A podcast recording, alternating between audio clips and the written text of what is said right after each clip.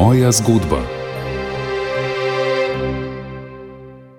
Pozdravljeni, dragi poslušalci in drage poslušalke, z vami je oddaja Moja zgodba.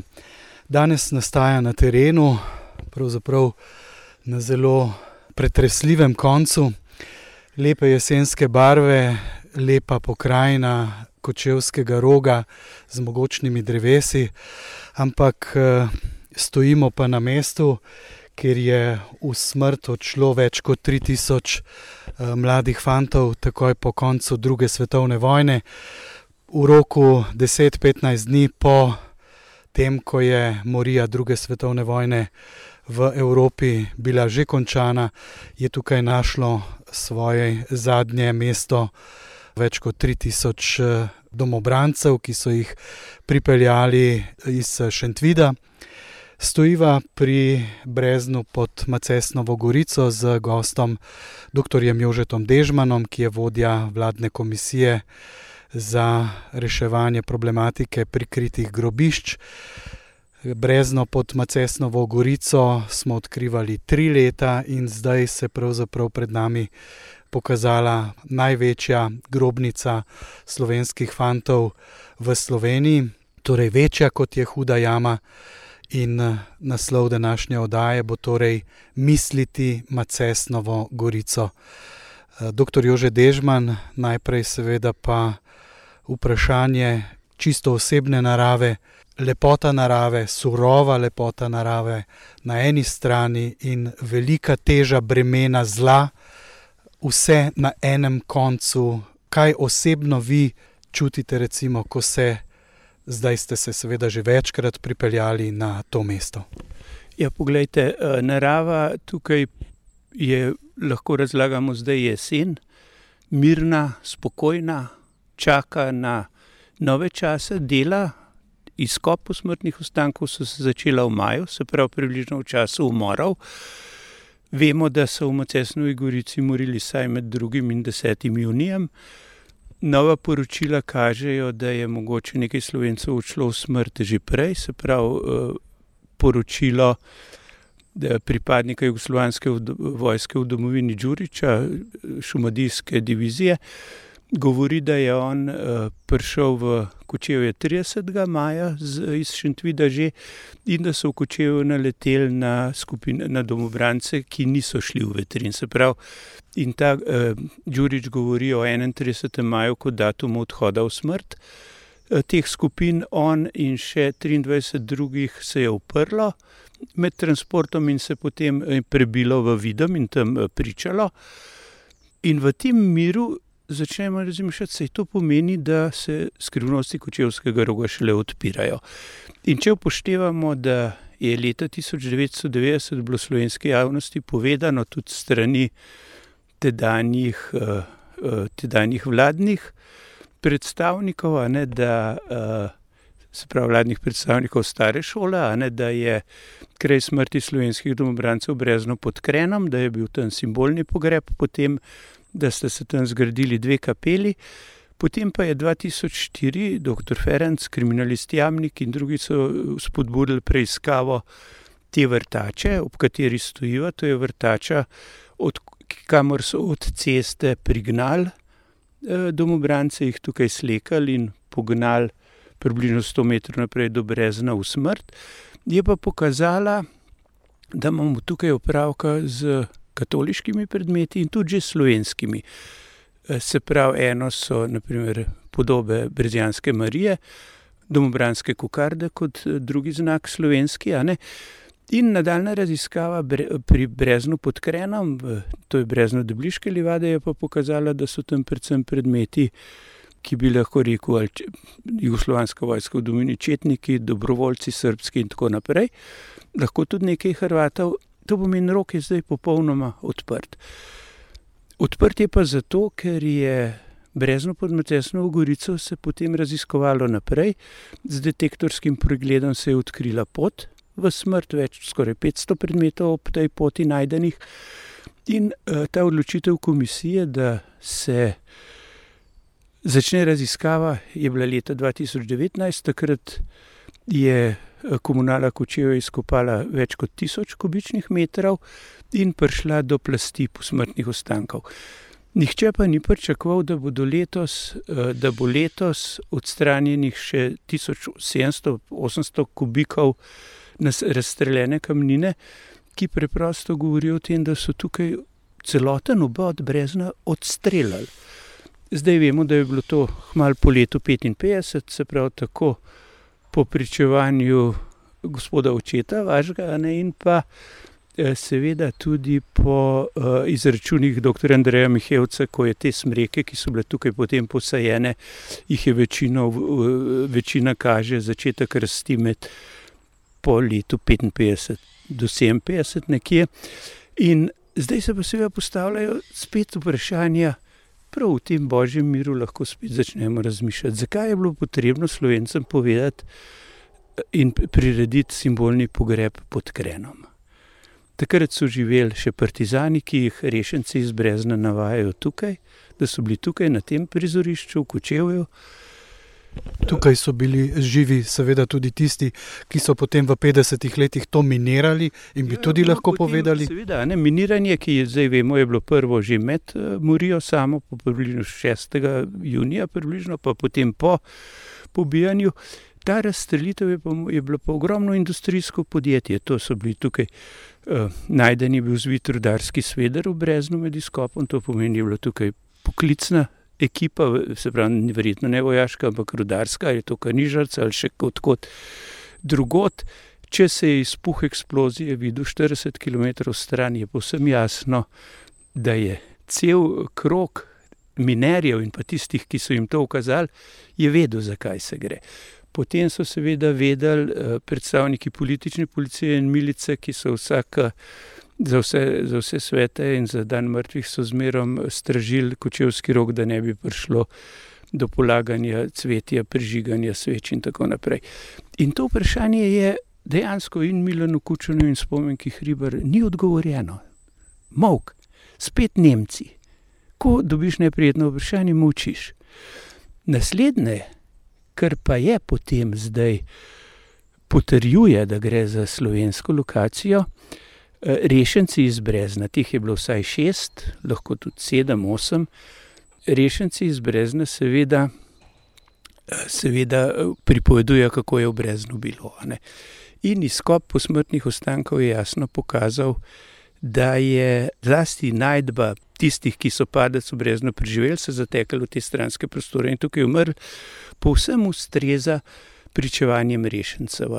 In tukaj to je zelo močna, močen dokaz, ne? in tukaj so objavljena pričevanja uh, kozine Dejaka Zajca, očeta Janeza Janše in uh, zgodba se razkriva. Potem seveda število umorjenih je zdaj okrog 3200 in to število je seveda spet misliti mi imamo Katin kot primer takega pobijanja nasprotne strani, ali pa niti ne nasprotne strani. Pravzaprav. Imamo knjigo Karapančiča, Titovi Gulagi in Katini. In Macesnova Gorica, slovenski Katin, je tisto, kar je treba misliti. Drugo, kar je treba misliti, je seveda, da 3200 je strašna številka. Če upoštevamo, da je v najhujših nemških koncentracijskih taboriščih umiralo Auschwitz, Dachau, Mauthausen, 1500 do 1700 in nekaj slovencev vsakem, je tukaj kar naenkrat 3000. Huda jama je 1410, vemo sicer, da je protitankovski jarek v Teznem 15 tisoč in več, verjetno. Ampak to je tisto, kar je treba misliti. 3200 je strašna številka ampak je premehna. Zato je ta pričevanje Đuriča, da so domobrance verjetno en del, vsaj v Kočevju, pobil drugot.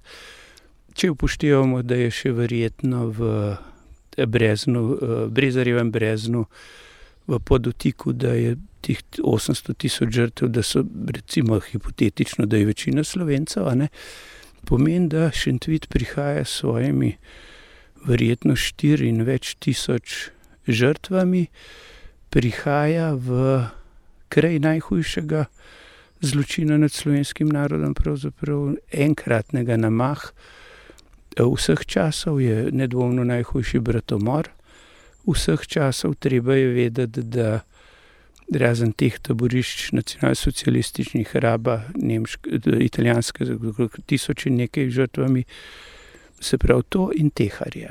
Teharje, kjer pač v, v starem hrastniku izkopu smrtnih stavkov ne bo možen, ampak tukaj se mora misel ustaviti. V vseh teh točkah, ki sem jih navedel, se mora ustaviti preprosto zato, da vse te Nemce, ki tako mučijo, vprašamo, zakaj mučite, zakaj se o tem ni možno pogovarjati, sej se ne bo svet podaril, sej to je resnica, ki je tukaj. Ne Ti ljudje so že dolgo mrtvi. Ne? Ja, in ne moramo jo spremeniti. In, uh, tukaj se pa spet vračamo, seveda, k županu Jankoviču in v glavno mesto Ljubljane, kjer je vprašanje enostavno. Kdaj bo možno vse žrtve pokopati v glavnem mestu, in kdaj bo možno izpolniti to zavezo spravno, ki mislim, da.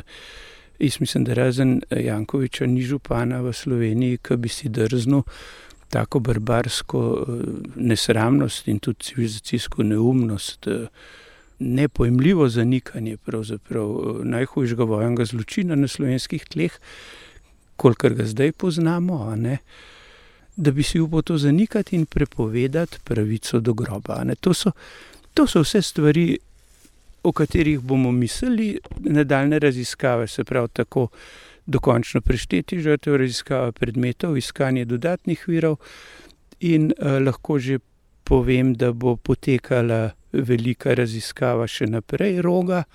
Iskanje dodatnih možnih lokacij. Namreč, ja, tukaj smo pri naslednji lokaciji, Zdaj sta Brezno pod Krenom in pa Macesnova Gorica odkriti, vemo pa še, da bi morale biti vsaj še lokacija v šivih jam.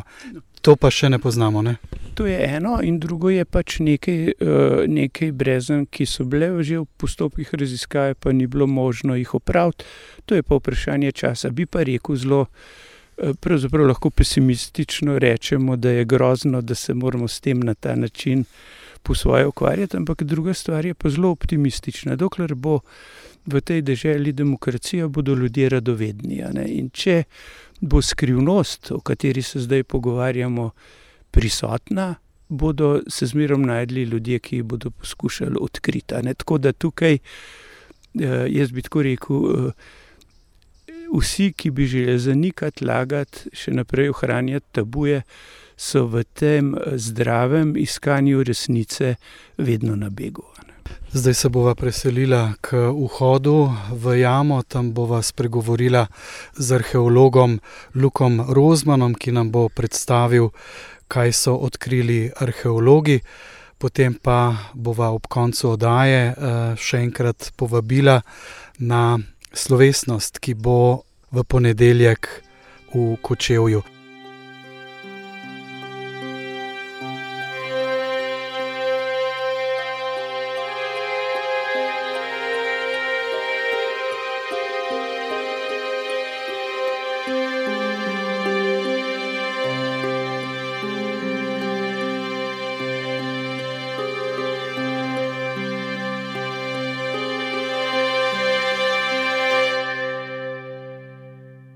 Luka Rozman, vodja izkopavanj uh, iz uh, podjetja Augusta DO, vi ste bili vodja izkopavanj, stojiva tukaj pred uh, Breznom pod Macesnovo gorico na takem platoju, ki ste ga naredili. Morda si človek pravzaprav težko predstavlja, ampak ko ste začeli, kaj je bilo tukaj? Morda naj najprej povem, da smo tukaj začeli z deli že pred tremi leti. Uh, tak, namen takratnega projekta je bil, da odkopljemo oziroma izkopljemo kamnino, ki se je nabrala v jami uh, po zadnjem miniranju.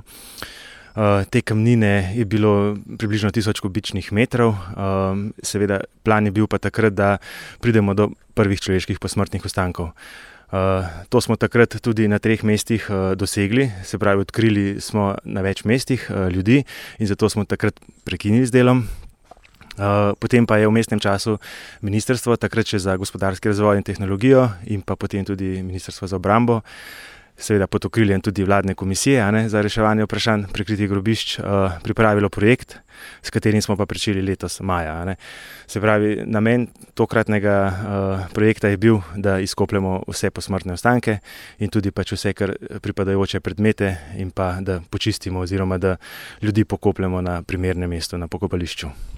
Mi, mi imamo že kar nekaj izkušenj s to vrstnim delom, ampak uh, razsežnost tega projekta je bila res ogromna. Ne v bistvu si na koncu nismo predstavljali, da bo količina takšna, uh, čeprav smo potem v končni fazi, mislim, da dovolj strokovno in pietetno upravili svoje delo, uh, iznosili, kar je bilo potrebno.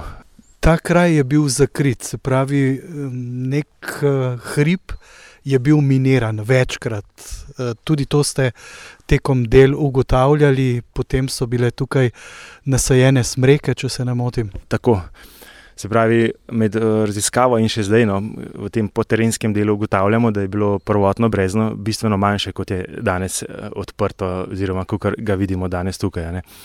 To bomo dodatno poskušali razjasniti tudi z eh, posnetki, oziroma zračnimi posnetki britanskih zračnih sil, ki so tudi uh, to območje preletavale uh, v letih 43 do 45.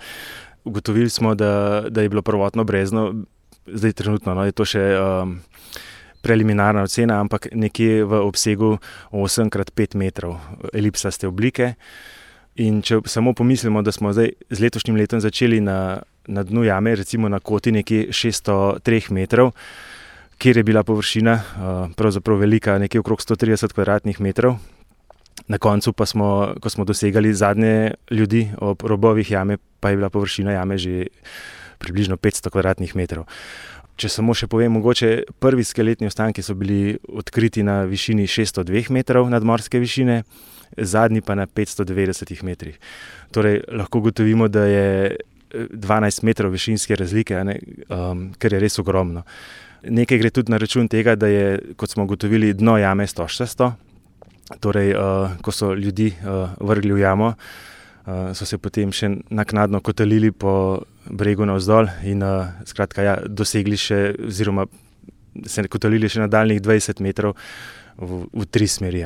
Če vemo, da je jama na severni strani strma, na vse ostale tri strani pa pada stožca stone.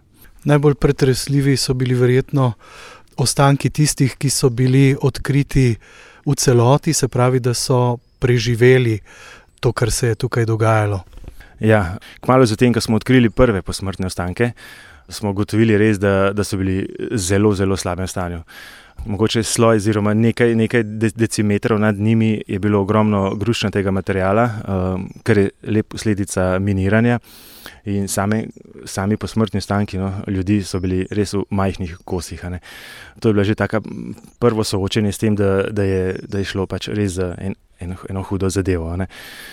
V nadaljevanju sicer so bili sami uh, posmrtni ostanki okostja mehko bolj ohranjena, tako da, um, vendar pa ne za dost, da bi bila dejansko mogoče tudi individualizacija. Ne.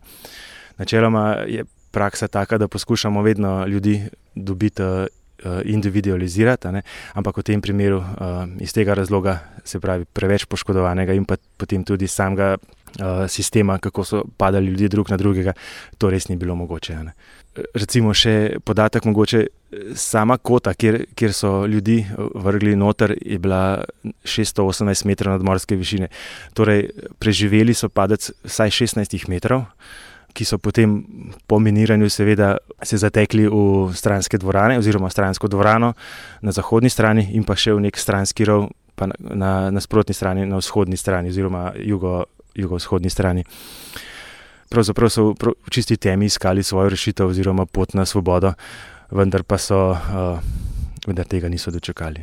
Koliko jih je bilo? 22 jih je bilo v zahodni dvorani, potem uh, pet v, vzhodni, v vzhodnem rovu, nekaj je bilo še v, v nekih manjših vogalih, tako da cirka 40 ljudi se je vsaj, uh, je vsaj preživelo prvoten padec, ne, oziroma verjetno tudi strelj, verjetno jih je pa še kar nekaj več. Ne poleg seveda teh, ki pa so uspeli uiti iz jame in uh, so nam tudi pač postregli za pričevanji.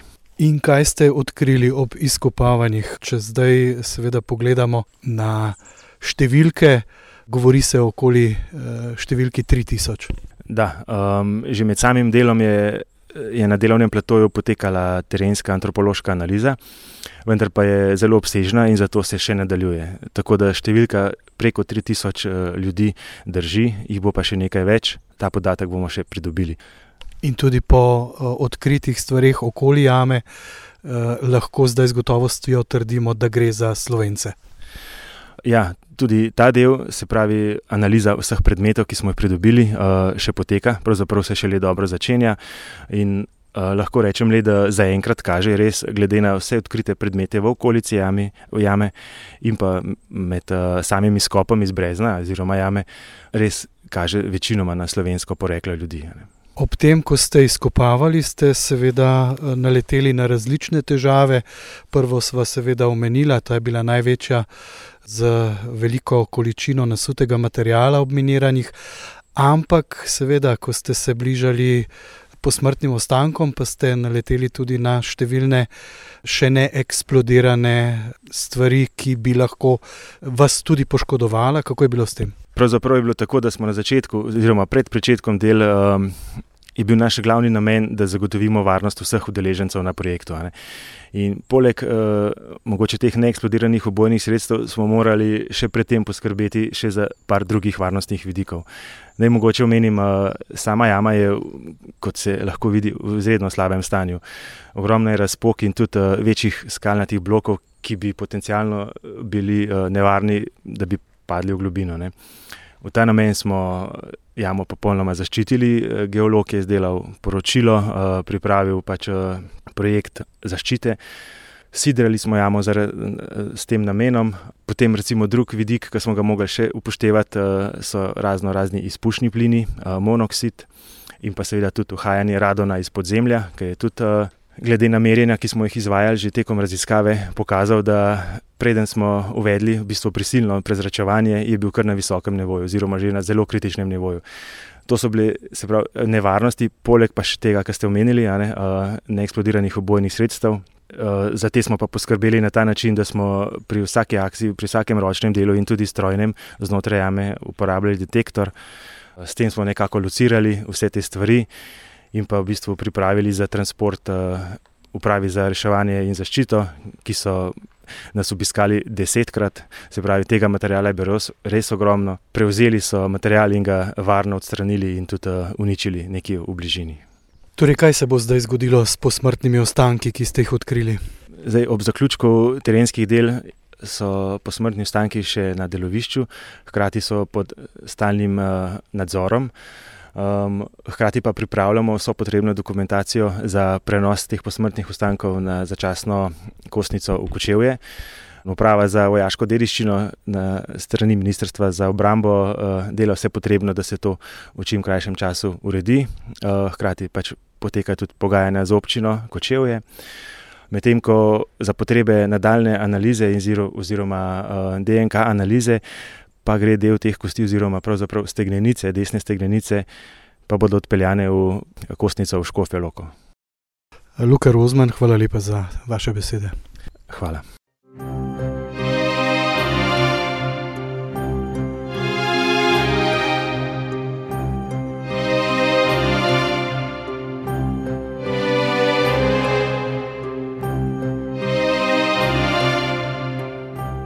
Poslušate Radio Ognišče, oddajo Moja zgodba.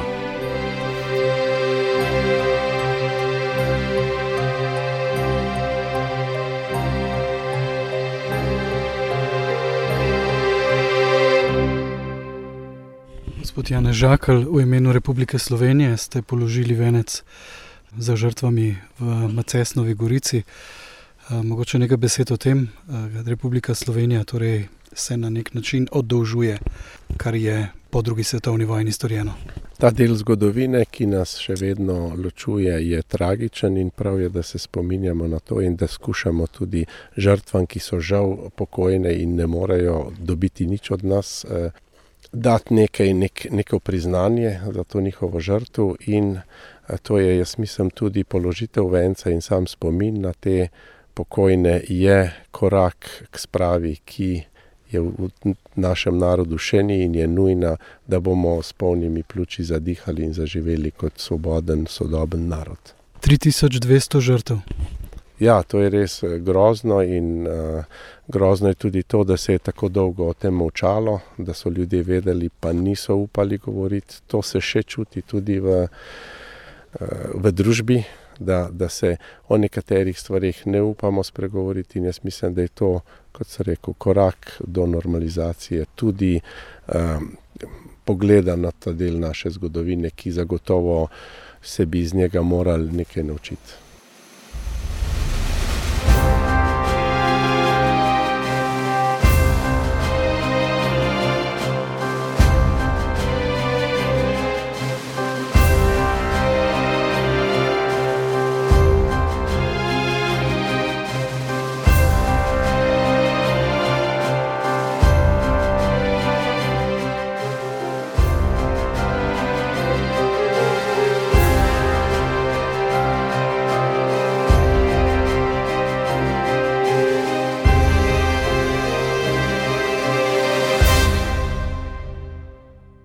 Mite Ferenc, filozofska fakulteta, eh, član vladne komisije za reševanje vprašanj prikritih grobišč.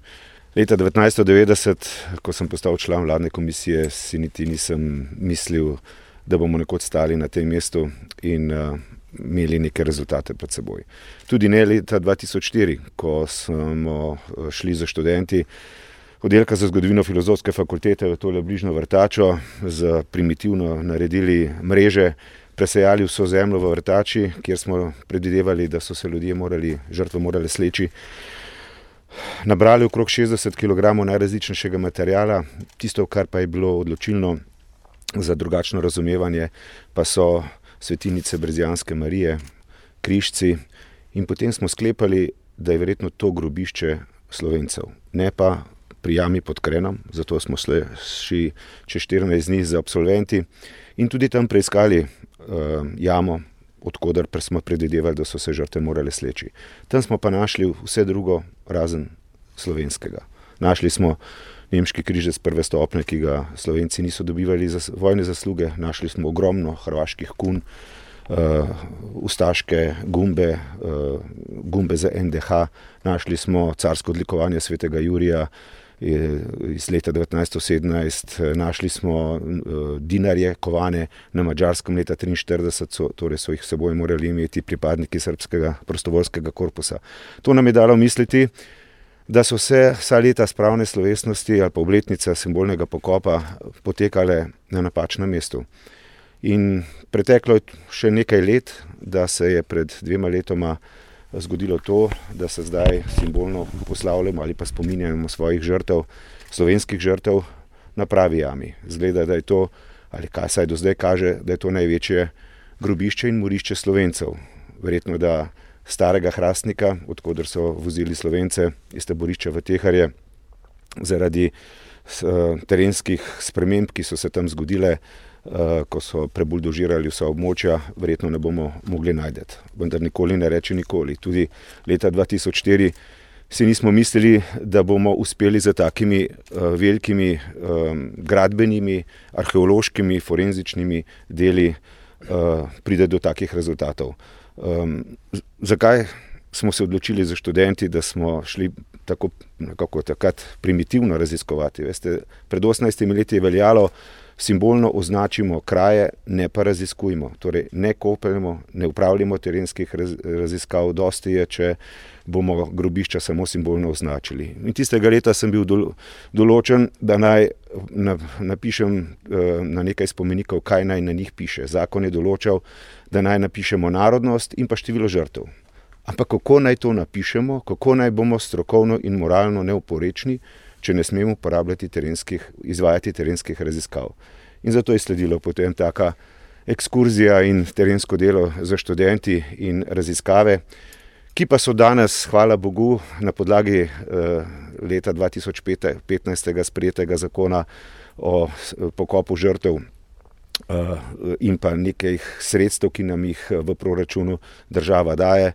Eh, kar omogoča, da upravljamo ehm, ali pa poskušamo nadoknaditi civilizacijski in pietetni dolg, ki ga naše prejšnje generacije namenoma niso uspele, ali pa potem tudi manj namenoma. Upam, da bo do ta dela še lahko se nadaljevala, čaka nas še ogromno dela, grobišče je ogromno, ne samo slovenskih, predvsem hrvaških, ker vemo, da se je tukaj za nekaj deset tisoč hrvaških žrtev tudi končala njihova življenjska pot.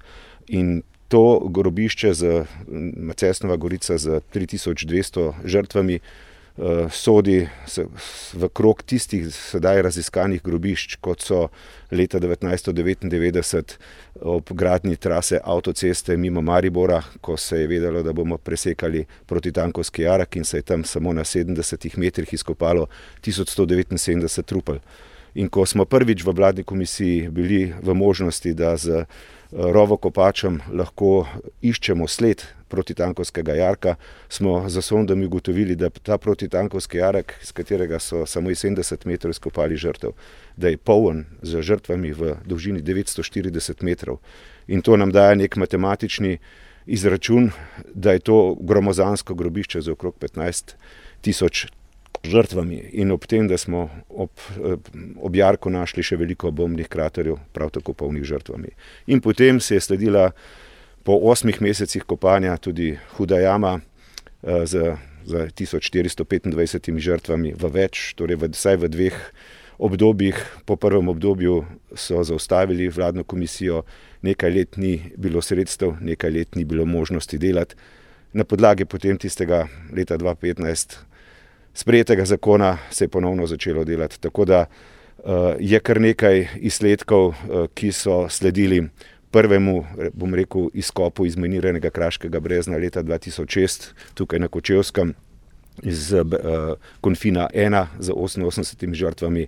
Tako da se lahko vladna komisija z vsemi strokovnimi um, ekipami, ki to delajo, postavi v bok ekipam, ki so tudi v Bosni in Hercegovini iskale, identificirale, ekshumirale žrtve. Od njih smo se učili, upam, da smo nekaj od tega vzeli in uh, v dobrobit, kot sem rekel, civilizacijskega in pietetnega uh, manjka, ki so ga naše generacije prej storile.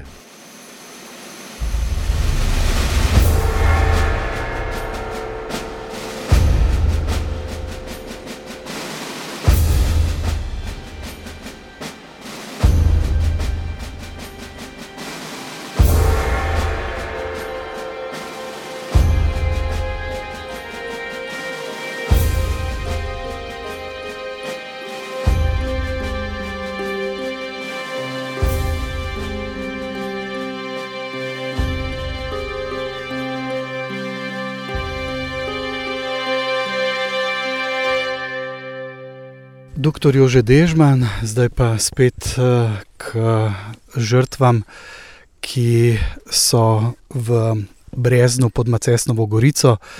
Slišali smo arheologa Luko Rozmana, ki je povedal, da bomo skušali tudi odkriti, kdo so bile te žrtve. Ampak saj za nekaj žrtev pravzaprav vemo. Približno 1500 jih ima na popisu žrtev druge svetovne vojne, kraj smrti naveden Kočevski rok. Ja, to je popis Inštituta za novejšo zgodovino, se pravi Kočevski rok, juni 45. Teh 1500 imen bo zdaj objavljenih v slovenskem času. Dostopni so tudi na spletni povezavi na strani Sistori, seznam žrtev. Jaz bi želel, da si ljudje to stran čim bolj ogledajo, pogledajo podatke, pogledajo tudi seznam v slovenskem času, kjer prosimo tudi za družine in kogarkoli, ki so umorjene poznali ali je kakšno izročilo znano jim o njih.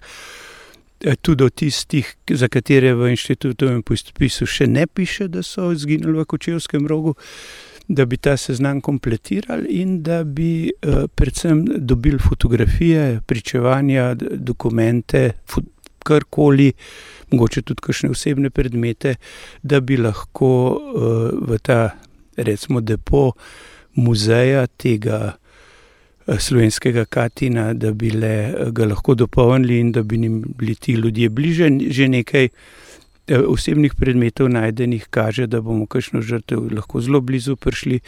Jaz osebno bi mogoče omenil, da je eden od rešencev omeni Jana Zajančarja iz vasi pri Grosuplan, ki je obnemogo tik preden bi zglezu po bukvi ven in tega najdemo, se pravi letnik 23, ampak kot Ivana Jančarja ga najdemo tudi v popisu Inštituta za novejšo zgodovino in ti.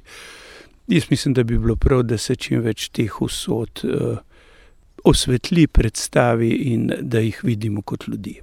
Mi dva snemava tole oddajo, moja zgodba, na dan, ko ste te um, dokaze iz kopanine in tako naprej predstavili javnosti. Seveda pa se bo na prostoru župnije, v kateri je Maces Nova Gorica, odvila tudi sveta Maša, neke vrste spravna slovesnost, tudi na to vabiva. Pravzaprav bo to ena vrsta zadušnice, uh, maševal bo uh, škof Saje in jaz upam, da bo tudi to duhovno druženje pomenilo nadaljni spravni korak na eni strani, na drugi strani pa sprejemanje resnice. Se pravi, Maša bo ob 11. uri v cerkvi v Kočevu. Hvala lepa, dr. Jože Dežman. Hvala tudi vam. Oj,